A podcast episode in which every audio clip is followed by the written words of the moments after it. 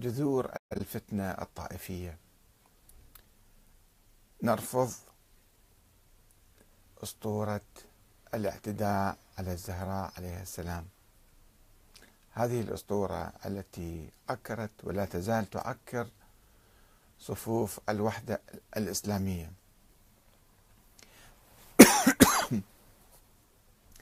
تحدثت في حلقات سابقة عن الموقف من الصحابة الكرام. الموقف القرآني المعتدل وموقف أهل السنة الأوائل والمعتزلة المعتدل من الصحابة والتفريق بين المؤمنين والمنافقين.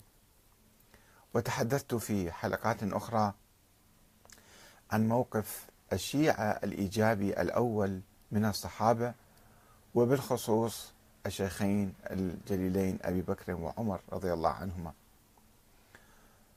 والآن أود التحدث آه، عن الموقف السلبي. لماذا حدث هذا الموقف السلبي من الصحابة ومن الشيخين أبي بكر وعمر؟ ولماذا أصبح عقيدة عند بعض الناس إلى اليوم يتقربون إلى الله تعالى بالنيل من الشيخين والعداوة والبغض لهما. باعتبارهم اعتدوا على السيدة فاطمة الزهراء عليه السلام. واقتحموا بيتها وأحرقوا دارها وكسروا ضلعها وأسقطوا جنينها.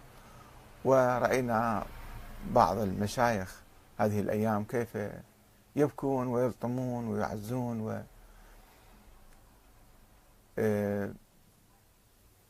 بوهم التقرب من أهل البيت بشيء يكرهونه ويرفضونه ولا يعرفونه أبداً. ما هي حقيقة أسطورة قتل عمر للزهراء عليه السلام؟ جريمة كبيرة إذا حدثت هذه ولكن ما هي حقيقتها؟ تحدثت عن ذلك في مقابلات تلفزيونية سابقة منذ أكثر من عشر سنوات وأيضا تحدثت في مقابلات آه، في هذا الموقع على شبكة آه، فيسبوك. والآن أود التحدث بالتفصيل لأن تحدثت آه، يعني باختصار ربما. وقد كتبت ذلك البحث في هذا الكتاب. السنة والشيعة وحدة الدين خلاف السياسة والتاريخ. ما في خلاف عقائدي بين المسلمين بين الشيعة والسنة. كلهم يؤمنون بالله الواحد الأحد ويؤمنون باليوم الآخر ويؤمنون بنبوة النبي محمد.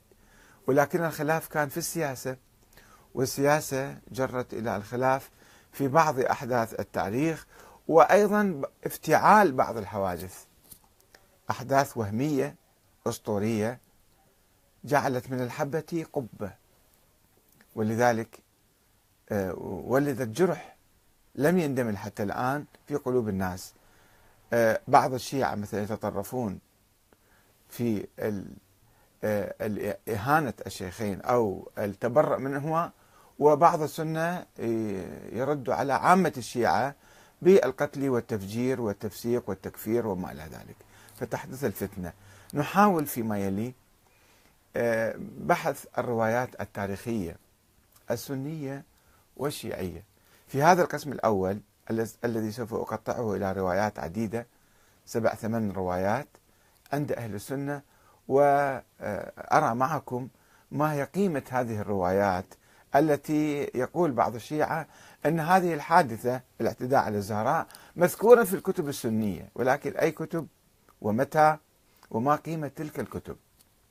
وماذا يوجد في تلك الكتب؟ خلينا نكون دقيقين ونقطة نقطة.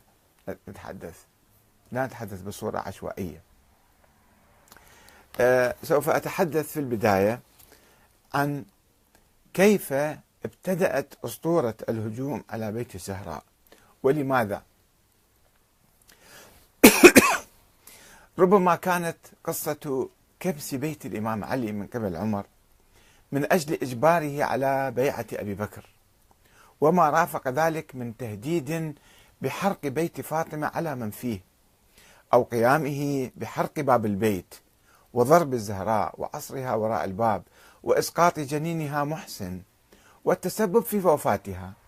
هذه القصة ربما كانت من أهم القصص الأسطورية الخطيرة التي لعبت عبر التاريخ وتلعب اليوم دورا كبيرا في تأجيج الخلافات بين الشيعة والسنة.